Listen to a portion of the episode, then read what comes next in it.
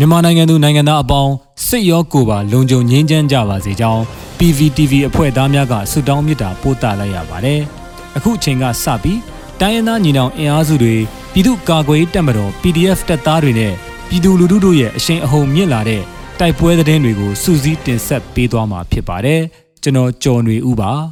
။အခုပထမဆုံးတင်ဆက်ပေးချင်တာကတော့ မြောင်မြို့နယ်အတွင်းတိုက်ပွဲ၃ကြိမ်ဖြစ်ပွားပြီးအကြမ်းဖက်စစ်သားအ ਨੇ ဆုံး12ဦးသေဆုံးခဲ့တဲ့တဲ့တင်ဖြစ်ပါတယ်။စက်တင်ဘာလ10ရက်ကသခိုင်းတိုင်းမြောင်မြို့နယ်မှာပြည်သူ့ကာကွယ်ရေးတပ်ဖွဲ့တွေနဲ့အကြမ်းဖက်စစ်တပ်အကြားတိုက်ပွဲ၃ကြိမ်ဖြစ်ပွားခဲ့ရာပြည်သူ့ဗတ်တော်သားတွေအကြအဆုံးမရှိခဲ့ပဲစစ်တပ်ကြေးကြုံအ ਨੇ ဆုံး12ယောက်သေဆုံးခဲ့ပါတယ်။မြောင်မြို့နယ်မြစ်ဆုံကျေးရွာအနီးမှာပထမအကြိမ်ထိတွေ့တိုက်ပွဲဖြစ်ပွားခဲ့ပြီးအကြမ်းဖက်စစ်တပ်ကလက်နက်ကြီးတွေနဲ့အချက်40ကျော်ပစ်ခတ်ခဲ့ပေမဲ့စစ်တပ်ဘက်က3ယောက်သေဆုံးခဲ့တယ်လို့ မြောင်မြို့နယ်ပြည်သူ့ကာကွယ်ရေးနဲ့လုံခြုံရေးအဖွဲ့ CDSOM ကသတင်းထုတ်ပြန်ပါတယ်။အဲ့ဒီတိုက်ပွဲမှာ CDSOM နဲ့မဟာမိတ်အဖွဲ့ဝင်များ27 Revolution Forces မြင်းကြံ PDF နှလုံးလှလူမိုက်ကြီးများအဖွဲ့နဲ့ PDF တလုတ်အဖွဲ့တွေကပူးပေါင်းတိုက်စစ်ဆင်ခဲ့ကြပါတယ်။ပြည်သူ့ဗတ်တော်သားပူးပေါင်းတပ်ဖွဲ့ကရွာထဲမှာကြေးရွာသူကြေးရွာသားတွေရှိနေတာကြောင့်စုပ်ပစ်နဲ့နောက်ဆုတ်ခဲ့ပြီးအကြမ်းဖက်စစ်တပ်ဘက်ကတော့ရွာထဲကိုတက်ဆွဲလိုက်တယ်လို့ဆိုပါတယ်။ညနေပိုင်းမှာတိုက်ပွဲ ထပ်မံဖြစ်ပွားခဲ့ပြီး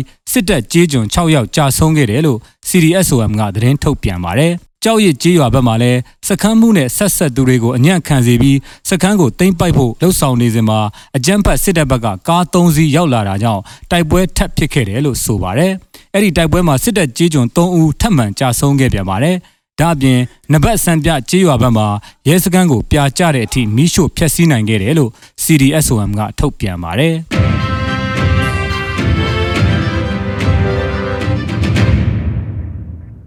ဆက်လက်တင်ဆက်ပေးမှာကတော့မုံရွာမြို့ပေါ်မှာ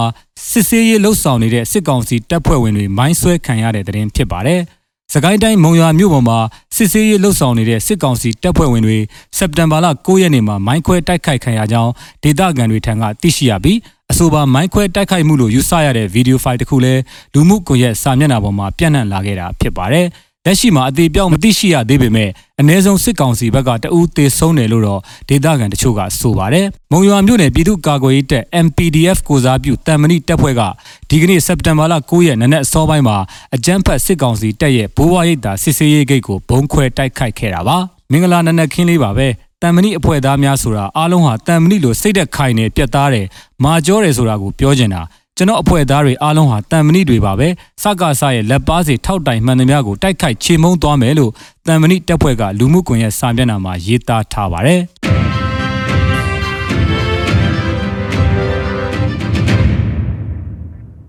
ဆက်လက်ပြီး Wildlife PDF ၏ပထမဦးဆုံးအဖွင့်တိုက်ပွဲမှာ အကြမ်းဖက်စစ်ကောင်စီရဲနှဦးတေဆုံးပြီးတချို့ထိခိုက်ဒဏ်ရာရခဲ့တယ်ဆိုတဲ့သတင်းကိုတင်ဆက်ပေးကြပါမယ်။ဒီနေ့စက်တင်ဘာလ9ရက်နနက်9နာရီအချိန်ခန့်စကိုင်းတိုင်းဒေသကြီးဝက်လက်မြို့နယ်ရွှေပန်းကုန်းကြီးရွာမှာရှိတဲ့အကြမ်းဖက်စစ်ကောင်စီရဲကင်းစခန်းကို Wildlife PDF ကဝင်ရောက်တိုက်ခိုက်ခဲ့တယ်လို့ဒေသခံတွေကဆိုပါတယ်။ရွှေပန်းကုန်းရွာသား2ဦးကိုအကြမ်းဖက်ဖမ်းဆီးခဲ့တာကိုတုံ့ပြန်တဲ့အနေနဲ့ဝင်တိုက်ခဲ့တာဖြစ်ပြီးတိုက်ပွဲမှာအကြမ်းဖက်စစ်ကောင်စီလက်အောက်ခံရဲ2ဦးတေဆုံးပြီးထိခိုက်ဒဏ်ရာရသူများလည်းရှိခဲ့တာပါ။နိုင်ဝက်ကျော်ဖြစ်ပွားခဲ့တဲ့အဲ့ဒီတိုက်ပွဲမှာ Wildlife PDF ကအထိကိမရှိအောင်မြင်စွာတက်ဆုပ်ခွာနိုင်ခဲ့ကြောင်းသိရှိရပါတယ်ခင်ဗျာ